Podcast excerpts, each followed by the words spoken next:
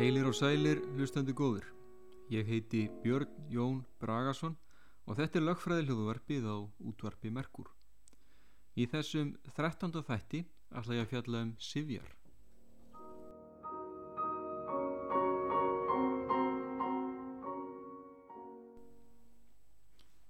Sivjar, við skulum aðeins uh, líta á hugtæki Sivjar en, en með því er átt við ættartengsl eða fjölskyldubönd og þaðan er komið áriði sifjaréttur sem stundum við kallaður fjölskylduréttur. Og sifjaréttur er einn af, er af undigreinum enga réttarins í lagfræðinni sifjarétturinn fjallar um það réttareglur sem sérstaklega var, var það fjölskyldu sambund í viðri merkingu vísar hugtækið fjölskylda til stórs hóps fólks sem er tengt er gegnum skildleika, hjúskap, mægðir eða ætleðingu Í þrengri merkingu vísar hugtækið til hefðbundinar kjarnafjölskyldu og þar er þá átt við lítinn hóp fólk sem býr saman að staðaldri og samanstendur af hjónum á samt börnum þeirra. Aðalefni Sivirettar er umfjöldunum hjónabandið, stopnum þess og slitt, ímis réttar áhrif hjúskapar og grundvöld fjölskyldunar. En í Siviretti er ennframur fjallaðum óvíða sambúð. Hliðsett við Sivirettin er barnaréttur sem ekki verður að hér að aftan. Um stopnun og slitt hjúskapar kilda lög nr. 31 frá 1993.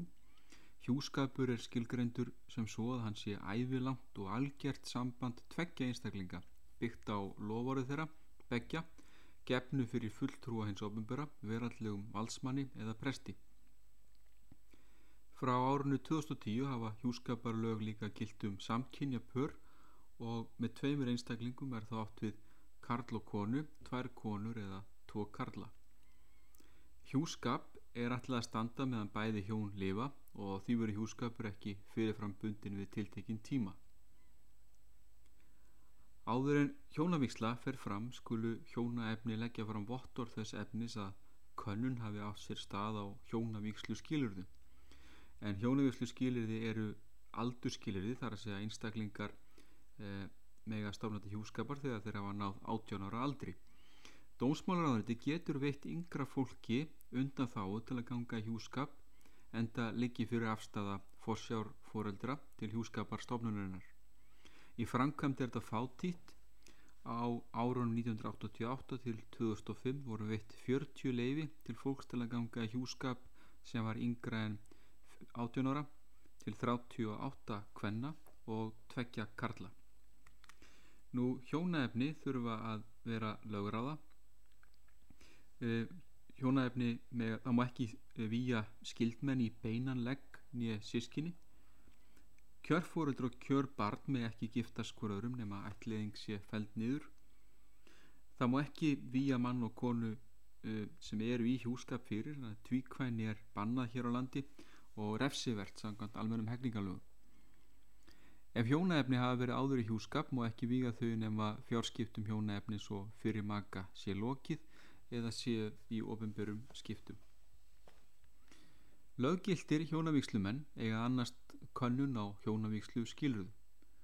Auk þess krefur víkslumadur að hjónaefni um vottor tvekja áreðalegra svaramanna sem báðir ábyrgjast að engin lagatálmi sé á fyrirhugðum hjúskap. Hjónavíkslu menn geta verið prestar, forstuðumenn skráðs trúfélags sem hefur víkslu heimild eða borgarlegir víkslumenn. Hjónavíkslan á að fara fram í viðuvist tveggja vitna.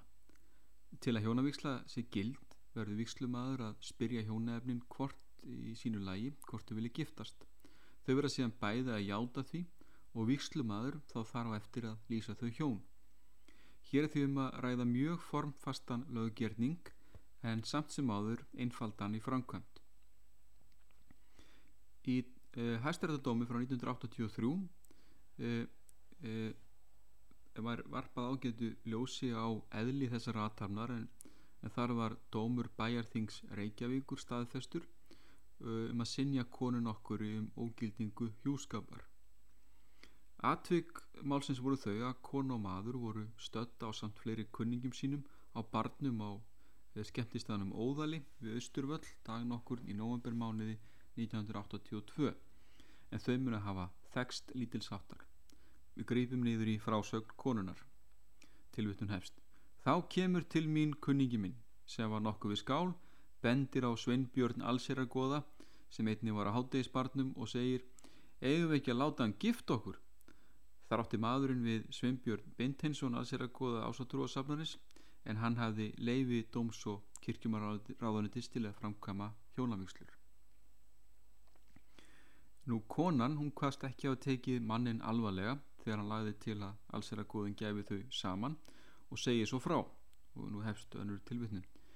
Ég tók þessu vita skuld sem algjöru gríni og spurði kunningjan hvort það væri nú alveg að spila út en það var hugmyndin fáranleg og hlægilegi senn. Tilvittnin líkur.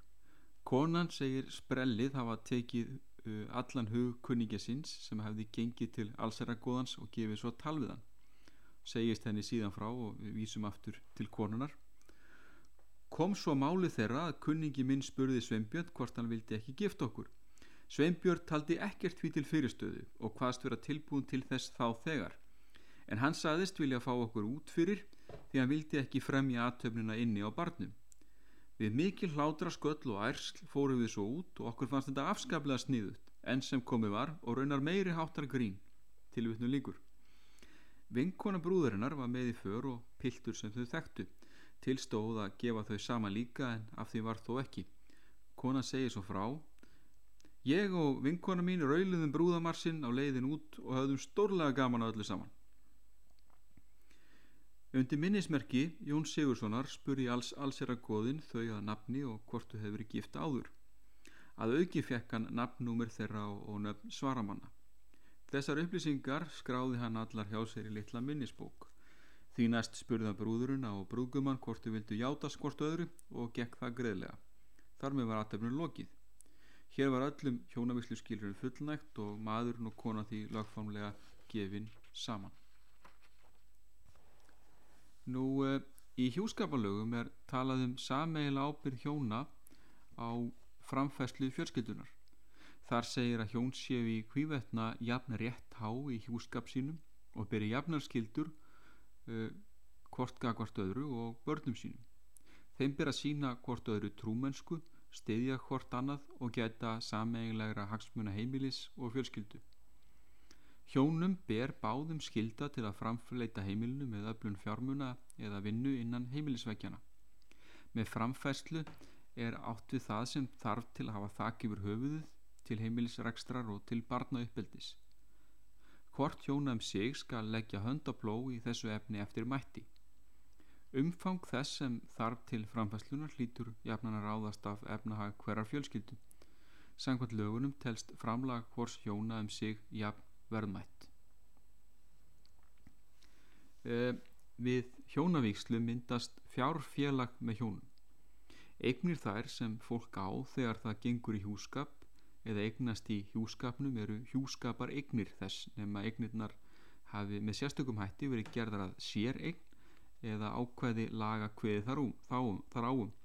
E, hjúskapar eign er ekki samegnuna heldur talað um hjúskapar eign horsjóna um sig. Meginreglan er svo að hortjóna ræður eitt yfir hjúskapar eign sinni og ábyrgist með henni einungis sínar skuldir. Frá þessari meginreglur eru nokkrar mikilvægur undatekningar. Hjúskaparegnir hlýta í flestum tilvökum sömu reglum og gilda um eignir manna almennt með þeim undantekningum sem leiða framferslu skildu og öðrum skildum tengdum hjónabandinu. Við skilnað á hvort hjóna um sig rétt á helmingi af hreinum hjúskaparegnum hins, það er bæði eignum og skuldum. Þetta er stærsti munun á hjúskaparegn og séregn, en séregnir hjóna kom ekki til skipta við skilnað.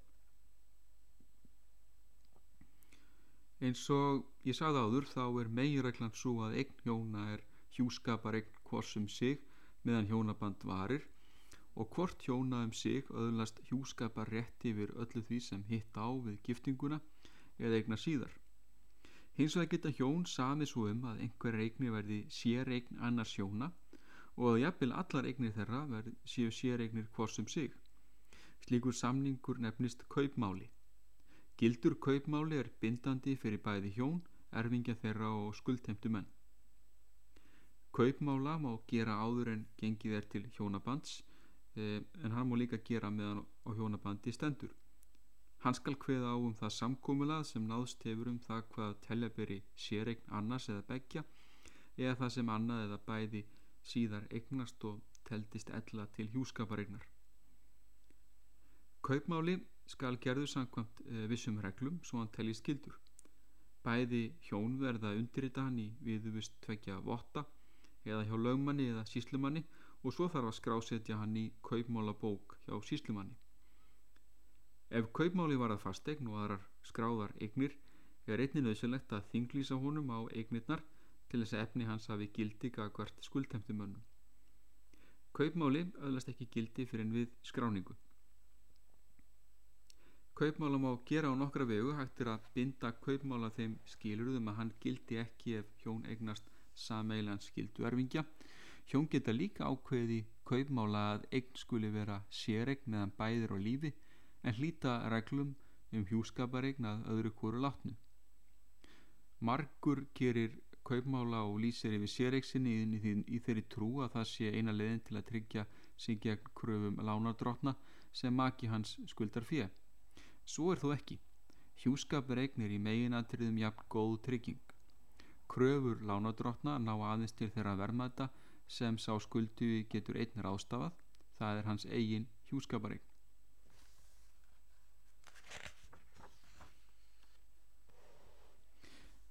Vanalega koma hjón sér saman um hvað eh, skuli teljast séregn annars þeirra, en stundum hendir það að aðrir aðilar hveða upp úr um það hvað er séregn.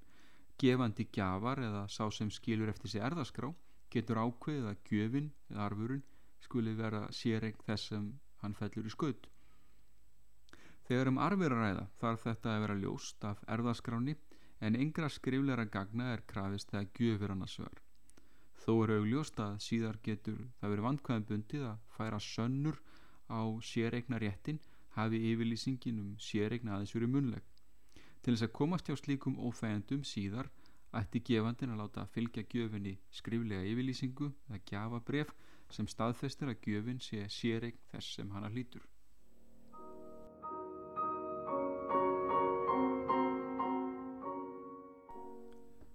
Megireglan sangvænt hjúskapalögunum er að maki hefur einn ráðstöðunarétti yfir eign sinni og getur gert samninga við aðra um hanna og hvert hann hátt sem hann kýs nema sérstakar réttareglu leiði til annars. Báðum hjónum ber skilda til að fara svo með hjúskaparegn sína að hún rýrni ekki vegna ótill hlýðilegar hátsemi. Þetta kann að virast nokkuð undarlegt þar sem það er í anstuði við þá megireglu að hvort hjóna skuli hafa fullan umræðarétti yfir eigum sínum. Þetta er eins og að hluti af þeim skorðum á ráðstöðunrétti eigna sem skildur hjónaband sem skapa. Verðið þú fyrir því að maki þinn rýri vergildi eigna sinna kannt þú eiga rétt á uppbótum ef til þess kemur að búinu skuli skipt. Hagnýtara ákveð svo regla að hvorugt hjóna geti áns án samþykis maka veðsett, selt eða leikt húsnæði, búslóð eða annað lausafjö sem er ætlað sem bústæðar fjölskyldunar e, nota hann til atunrækstra fyrir annað hjóna eða bæði eða muni sem ætlað er til nota á þessum stöðum. Þetta á við hvort sem húsnæði eða búslóðin er séregn, annars sjóna eða hjúskaparegn. Ef samningur er gerður án þess að afla samþykis maka kann að vera mögulegt að rifta honum síðar með dómi. Það er algengur miskilningur að, að taki annað hjóna lán sé heimilt að gera kröfu í eignir begja hjóna til tryggingar greiðslu. Annað hjóna getur ekki skuldbundið hitt og það er afleðing af því að hvort um sig má ekki ráðstafa öðru en því sem hann eða hún lagði eða leggur sjálfur til búsins. Hafi annað hjóna því ábyrg skuldir sem hann eða hún fær ekki risið undir geta lánardrótnar ekki gert kröfu til lúkningar skuldarinnar í þann hluta af eignum hjóna sem tilherir hinn. Að þessu leiti veitir hjúskaparegn sömu vörn og séregn. Meginreglan er að hjónin eru varin gegn kröfum sem veru þannig til orðnar að maki tekur lán eða skuldbindur sig á einhvern annan hátt. Egi því að gera maka með ábyrgan fyrir skuldum sem hitt hefur stofnað til verður makin að lýsa sig með ábyrgan á einni annan hátt til dæmis með því að undirrita skuldaviðu kenningu. Undantekning er frá þeirri meginreglu að hvort hjóna er aðeins ábyrgt fyrir þeim skuldum sem það sjálft stopna til og aðeins með þeim eigum sem það sjálft á sem hjúskapareign eða séreign. Þar erum að ræða skuldir sem stopnaður til vegna kaupa á varningi til daglegra nöðsynja. Hvað slíkar skuldir varðar geta til að spæði hjónin ábyrg. Sankvæmt skattalögum bera hjón einnig sameigila ábyrð á greiðslu skatta. Hjón geta vitaskuld gefi hvort öðru vanalega gjafir á nokkura skrifleira gjörninga en sé markmiðið með gjöfin að flytja til veruleg vermaði til dæmis hús milli maka verður að gera um það skriflegan samning og þinglingsánum. Ef gera á eign að séregn verður hins vegar að gera kaupmála svo gjöfin telli skild. Þegar slíkri gjöf er ekki líst sem séregn mun hún áfram tellast til hjúskaparegnar og komið til skilnaðar ber hvorum aðilam sig helmingurinn að vermaði hennar. Oftast er markmiðið með slíkum eigna tilflutningi í formi gjafa að bjarga verðmættum undan kröfum sem gefandin hefur ástæð til að ætla að gerða verði í bú hans síðar. Reiki annað hjóna fyrirtæki er hér um að ræða, uh, um ræða leið til þess að koma í veg fyrir að til dæmis íbúin verði tekin með í uppgjöru vegna gjaldróts.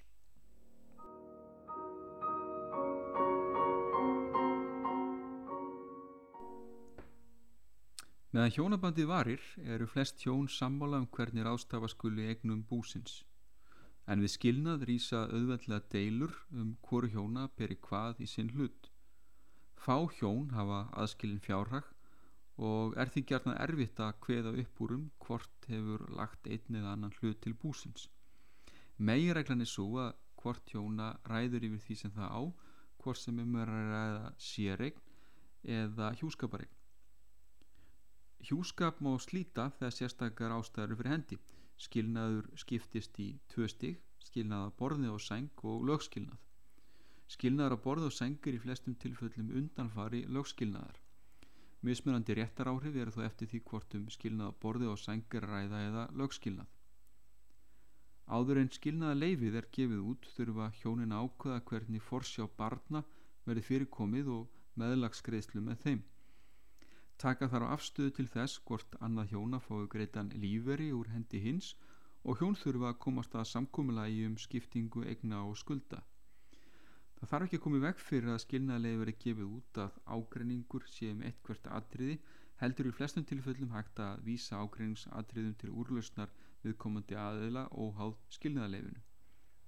Ef hjón eiga börn undir átjónar aldri er skilt að leita sáta með þeim samkvæmt lögunum áður en leifi til skilnaðar að borði og sængur gefið út. Samkomulag hjónaðum skiptingu egna eða bú þeirra hafi verið tekið til ofnbæra skipta verður að leikja fyrir áður en leifi til skilnaðar að borði og sængur gefið út. Algengast er að hjón komið sér saman um, að, uh, saman um egna skiptinguna en fyrir kemur líka að ógerningur er að ná samkomulagi og getur þá hvort hjón af sig og skeftur ofnbærum skiptum á búinu. Það þýðir að hérastómari skipar lögmann til að vera skiptastjóra og sjá um skipti og eignum hjónana lögum samkvæmt.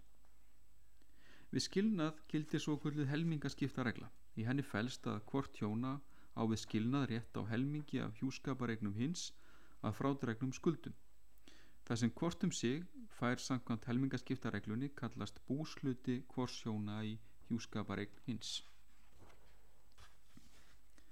Í hjúskaparlögunum skiptast eignir hjóna í hjúskapareignir og séreignir. Hjón geta ennfremur átt eigns saman sem sameign. Meðan hjónabandin varir skiptir minnamáli hvað telst vera séreign, hvað hjúskapareign og hvað sameign.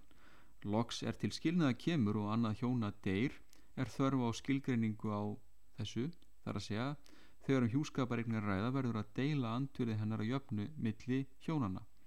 Þegar um séregnir ræða heldur það hjóna eigninni eða andvirði hennar óskýrt, óskertu sem átti hana að séregn. En þegar um samegnir ræða, til dæmis fasteig sem skráður á nafn begja hjóna, verður hluti hvors þeirra um sig hjúskaparegn þeirra í fasteigninni. Þegar arfið er skipt er farið með hjúskaparegn og séregna á mismunandi hátt. Þegar um hjúskaparegn er að ræða getur langlífari maki átt rétt á að sitja í óskiptu búi. Hafi skamlífari maki hins vegar átt eignina að fullu einsamall á langlífari ekki rétt á að setja í óskipti búi nema svo hafi verið gengið frá í kaupmóla að það skuli einni ná til séreigna þess látna.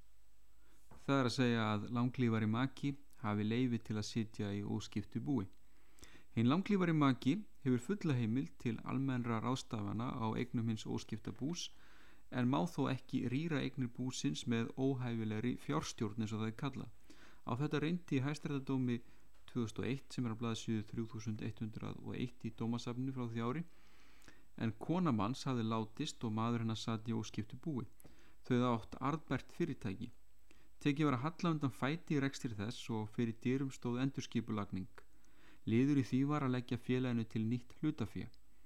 Maðurinn vildi leggja fram fjármunni sem hann tók að láni með veði í eignum hins óskipta bús. Eitt þryggja barnamannsins undi þessu ekki og ótaðist rýrnun eigna búsins. Niðursta málsins var svo að manninu var gert skilt að greiða þessu barni sínu út sinn móðurarf.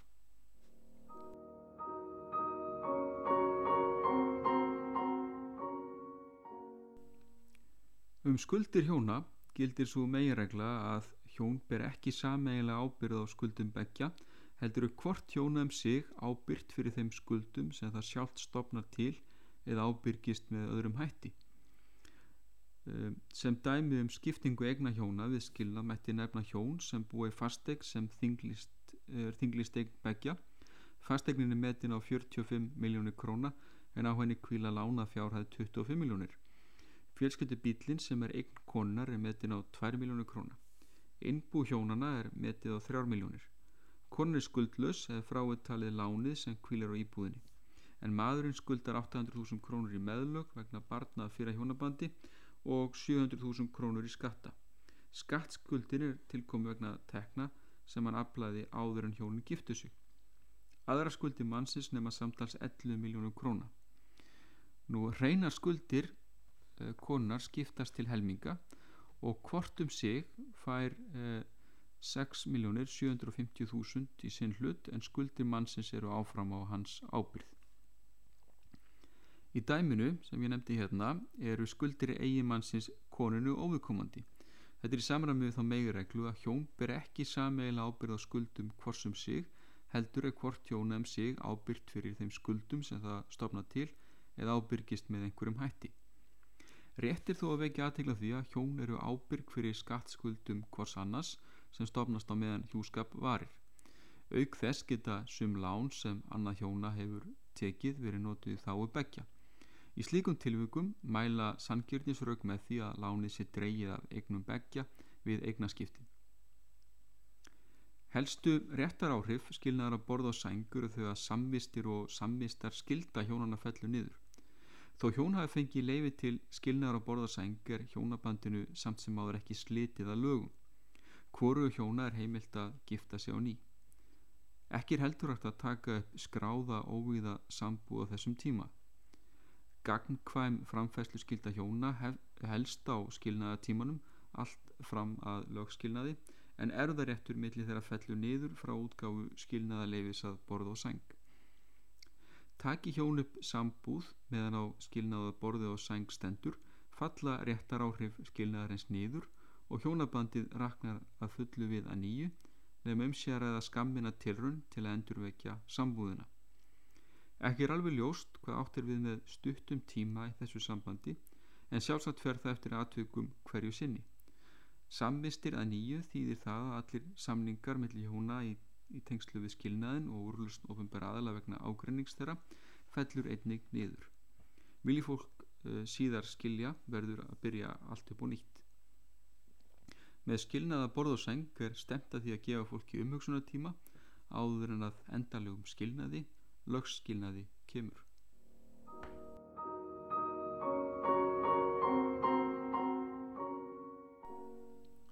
Hjónabandi telst ekki endalega slitið fyrir en lögskilnaða leifi hefur gefið út. Ef hjón eru sammálum að leita lögskilnaðar á hvort hjóna um sig kröfu til að fá lögskilnað þegar sex mánuður eru liðni frá því að leifi til skilnaðar að borði og sæng var veitt hvor maki og alltaf rétt á lögskilnaði þegar eitt ár er liði frá veitingu skilnaðar veitingu leifist til skilnaðar að borða og seng hver svo sem afstafa hins er. Þeir skilnaða skilmálar eða samningar sem hjón hafa komið sér saman um við skilnaða borða og seng gilda einnig við lögskilnað.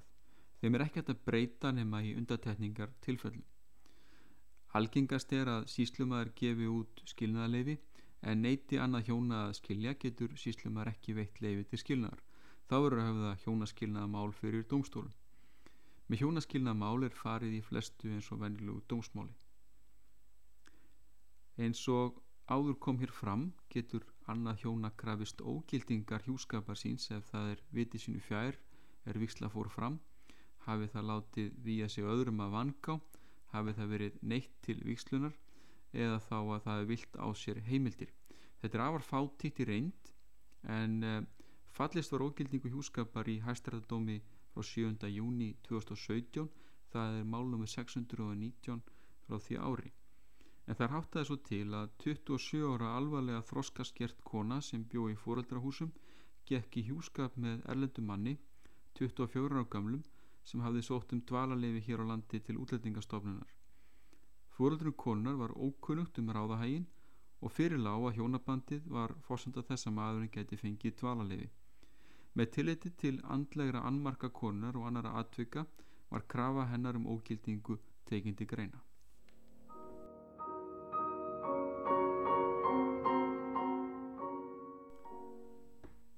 Víkjum þá að óvíðri sambúð.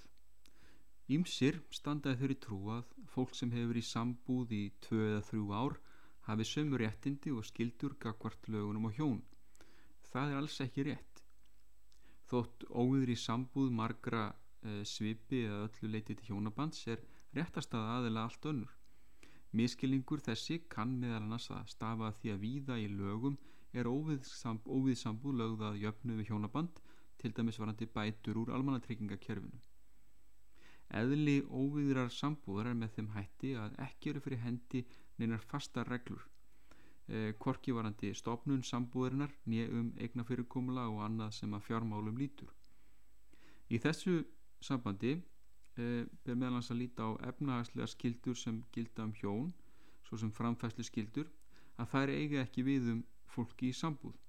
Þegar sambúðin er slitið getur hvorur aðileg gert kröfur á hendur hinnum.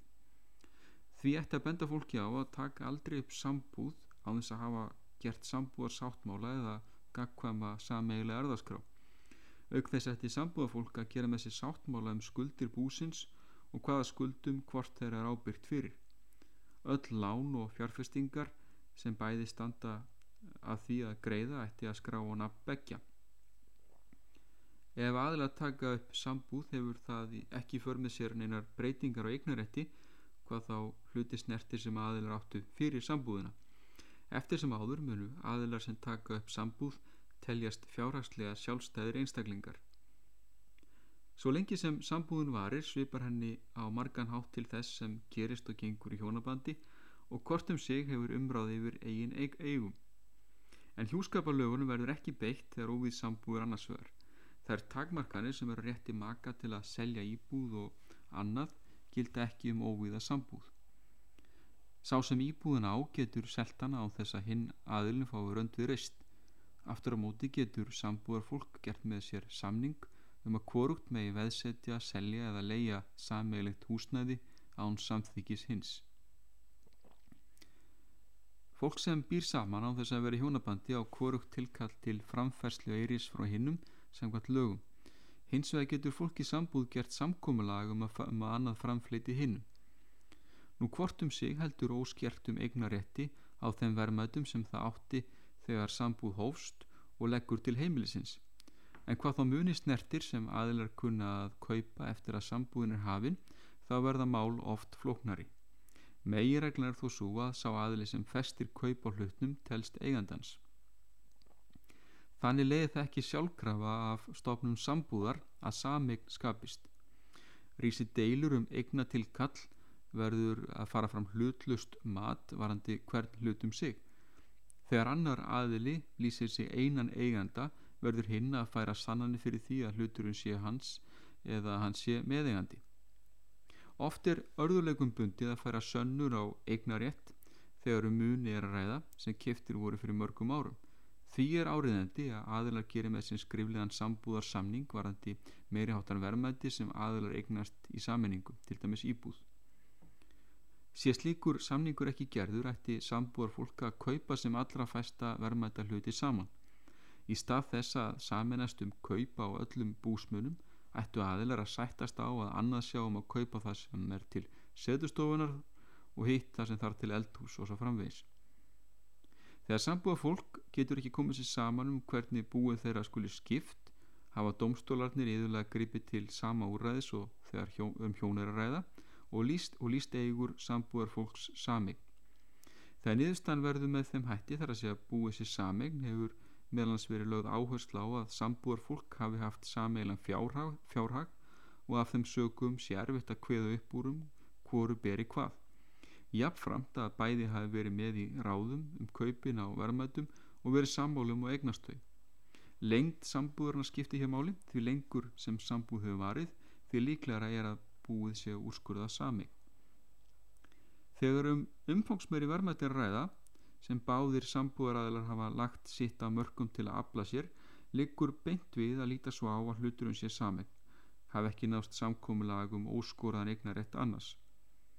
Við slíkar aðstæður skiptir það ekki meginmáli varandi eignaréttin hvora aðilin festi kaup á hlutnum, það er undirritaði kaupsamningin. Ef aðili kaupir hús eða íbúð í eigin nafni fyrir fér sem sambúðar aðilar hafa sparað saman og bæði fjármagna með lánum, mun sá sambúðar aðili sem ekki er með hlutin á sínu nafni, vafa liti til að sam eigandi að húsnæðinu hafi ekki verið öðruvísi samið. Í sambúð er hvor aðlum síð aðeins ábyrgu þeim skuldum sem hann sjálfur hefur stopnað til.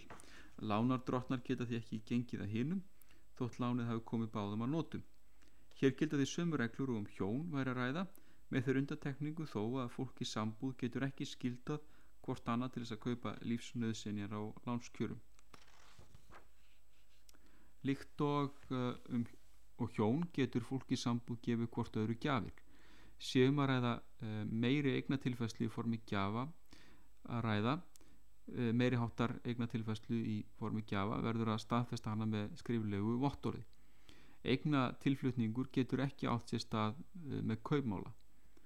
Hægt er að þinglýsa gjafagjörningnum um skráðar eignir svo sem fasteignir og bíla og er slikt reyndar nöðsilegt svo það hafi gildi gagvart þriðjaðala Komið til gjaldtróts eru reglunar um rétt til þess að ómerkja tilflutning vermaðta í formi gjafa hinn að sömu og fyrir hjón.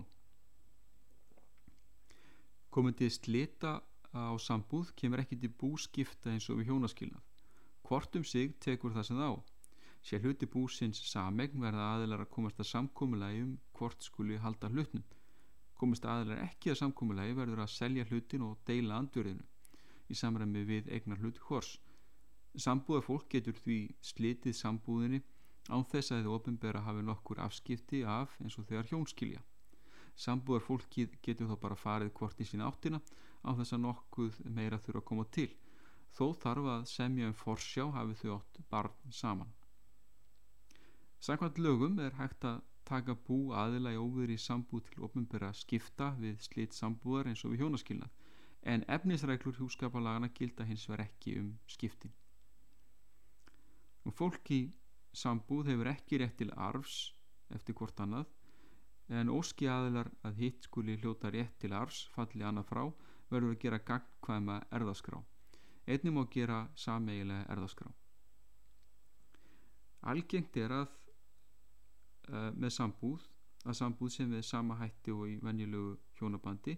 Uh, því er það gerna svo að báðir aðilar æski að, að fyrirkomulagum ráðstöðun eigna sé sem allra líkast í fyrirkomulagi sem sjálfkrafa skapast við stofnun hjónabands. Ekkert eftir að verði þetta fyrirstuð að aðalega geti komið sér saman um að búið sé samegn uh, með það reglur að fyrirmynd sem gilda í hjónabandi. En munur á hjónabandi og óveri sambúð eru því aðalatriðum þessi og í óveri sambúð eru með enga reglur um helmingaskipti, egna og skulda. Það er engin erðaréttur á milli sambúða fólks Það er engin réttu til setu í óskiptu búi og engin gangkvæm framfæslu skilda er fyrir hendi.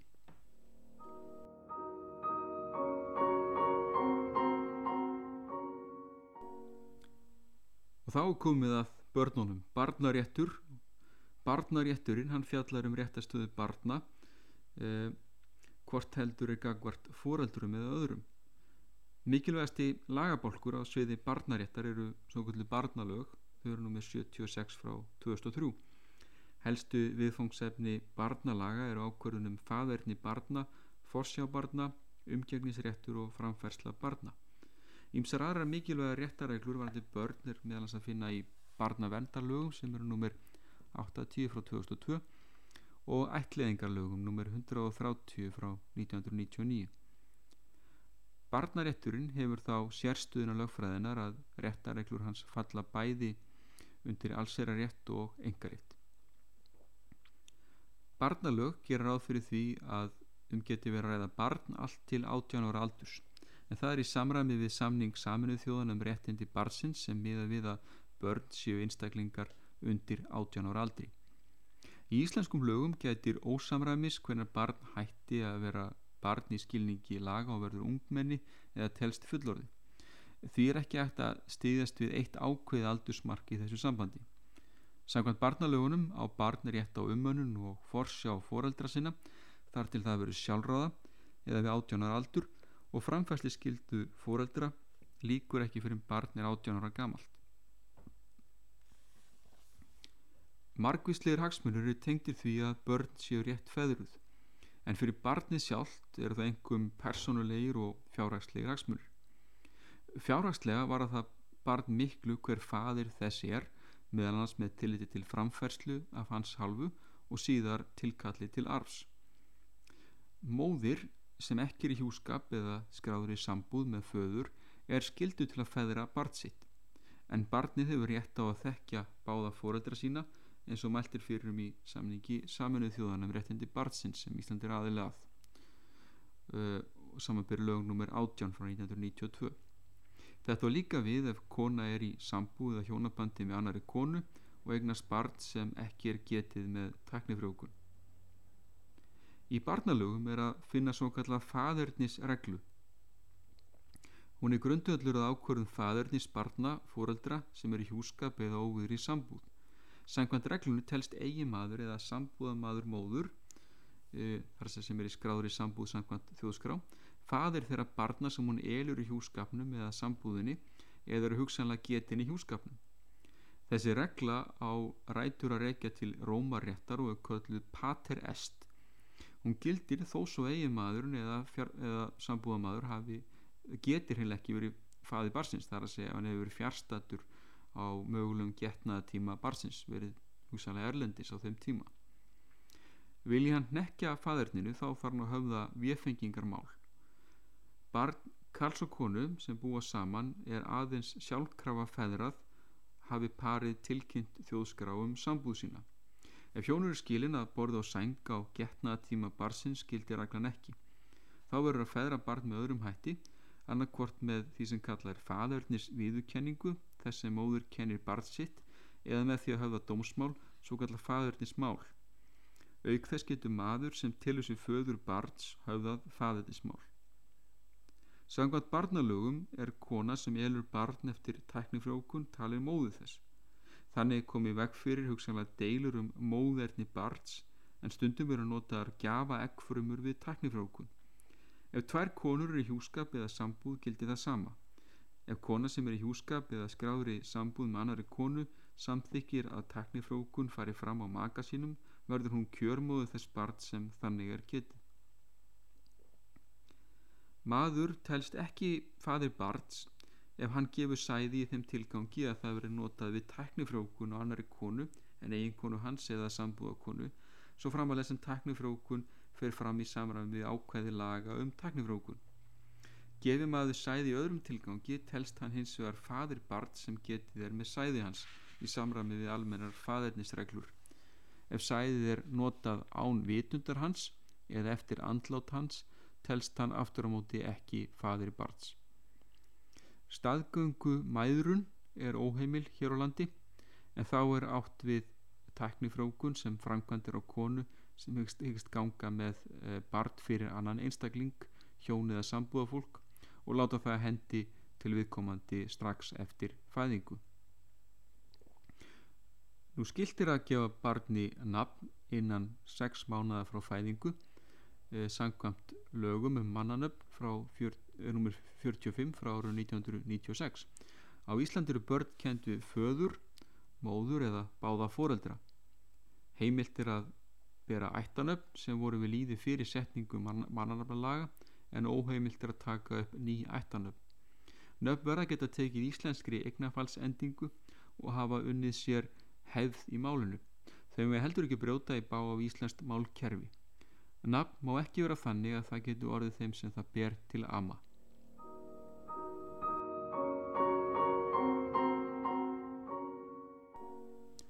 Með forsjá er átt við rétt fóreldra til að ráða persónulegum högum barn sem er ósjálfráða fyrir eskusækir.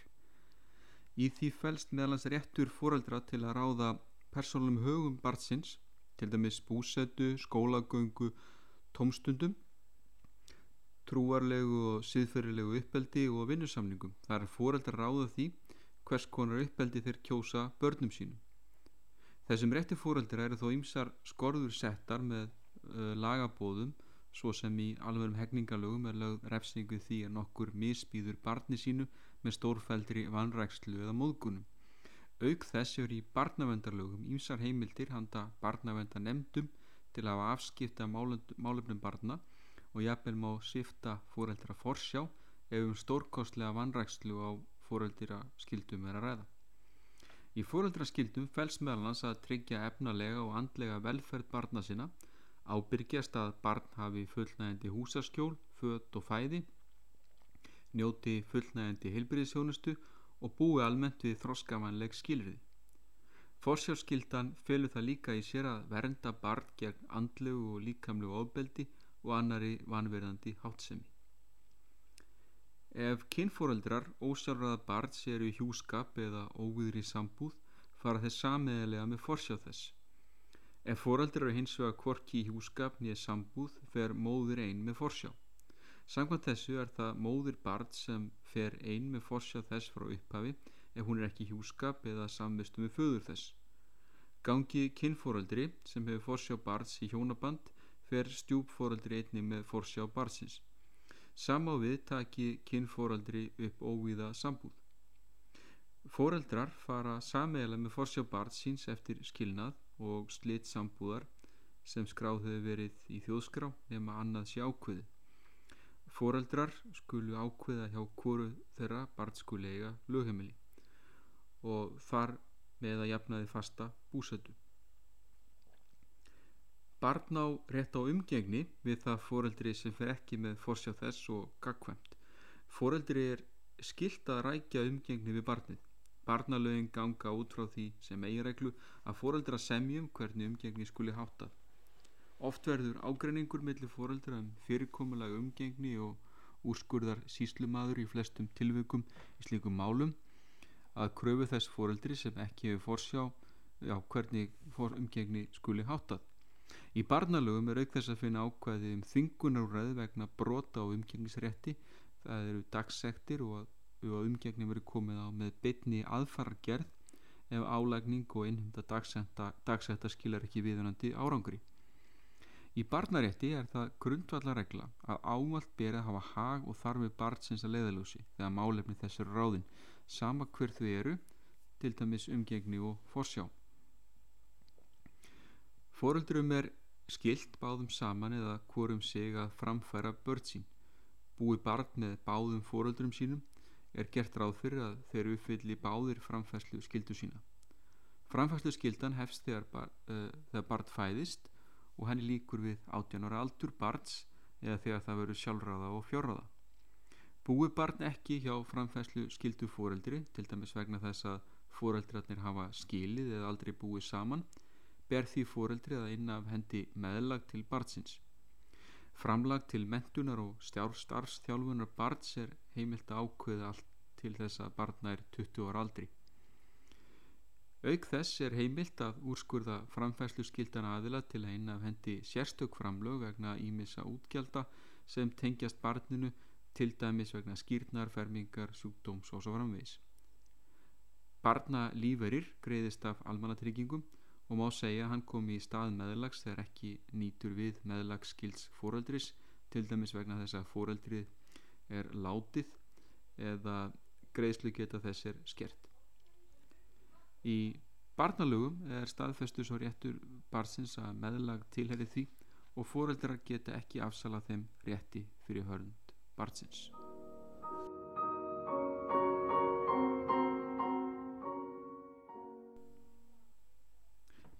Ætleðingarlögum nr. 130 frá 1909 er fjallaðin um veitingu að ætleðingar leifa lagaskilir fyrir þeim, réttar áhrif ætleðingar og nýðurfellingu hennar. Venjar að greina á milli svo kallarar stjúp barna ætleðingar, það er þegar stjúp foreldri ætleðir stjúbart sitt og hins vegar frum ætleðingar. Það er þegar, þegar stofnað er til algjörlega nýra fjölskyldutengsla, til dæmis þegar barnlu sjón ætlaða barn sem þau hafa ekki haft umsjá með áður. E, til að ætlaða barn þarf leiði tónsmálaráðunættisins. Áður en ætl, ætlaðinga leiði er veitt verður að afla tiltíkjana upplýsinga og umsagnar barnavenda nefndar til að gæta þess að skilur um ætlaðingalagana sé fullnægt. Megin skilir fyrir því að ætlaðingar leiði sé veitt er að ætlaðing sé barninu til gags og að það sé ætlun ætlaðanda að ala barnið upp eða barnið hafi verið alið upp hjá þeim. Aður sjónum eða einstaklingum sem búið hafa saman í óveri sambúð eða minnst okkurst í fimm ár er heimilt að standa saman að ætleðingu. Öðru hjóna eða einstaklingi í óveri sambúð má með samþykki hins veita leifi til að ætlaða barn þessi eða kjörbarn. Einleipingar geta einning ætleitt barn en í framkvæmdir slíkt sjálfgeft. Ætliðandi þarf að hafa náð 25 ára aldri en þó má ef sérstaklega stendur á veita manni sem orðin er tvítur leifi til ætliðingar. Egið ætliða barn sem orðið er 12 ára verður það að veita samþykki sitt. Sé barn undir átjónaraldri verður samþykki kynfóradra barnsins einnig að leikja fyrir og hefur ráðuneytið leifinningar skiltu um réttar áhrif ætliðingar gagvart þeim. Réttar áhrif ætliðingar eru þau að réttarsamband kjörbarns og kjörfóraldra verður það sama og réttarsamband kynfóreldra, kynfóreldra og barna. Kjörfóreldrum ber skilda til að segja kjörbörnum sínum frá uppruna þeirra og ætleðingu þegar börnin hafa þroskað til og ekki síðar en við 6 ára aldur. Þegar barnið verður fullveðja hefur það rétt á að öðlast allar tiltækar upplýsingar um kynfóreldra þess. Þá er lokið 13. kabla þessarar þáttaraðar lögfræði ljóðvarpsins þökk þeim sem hlýtu í Guðs friði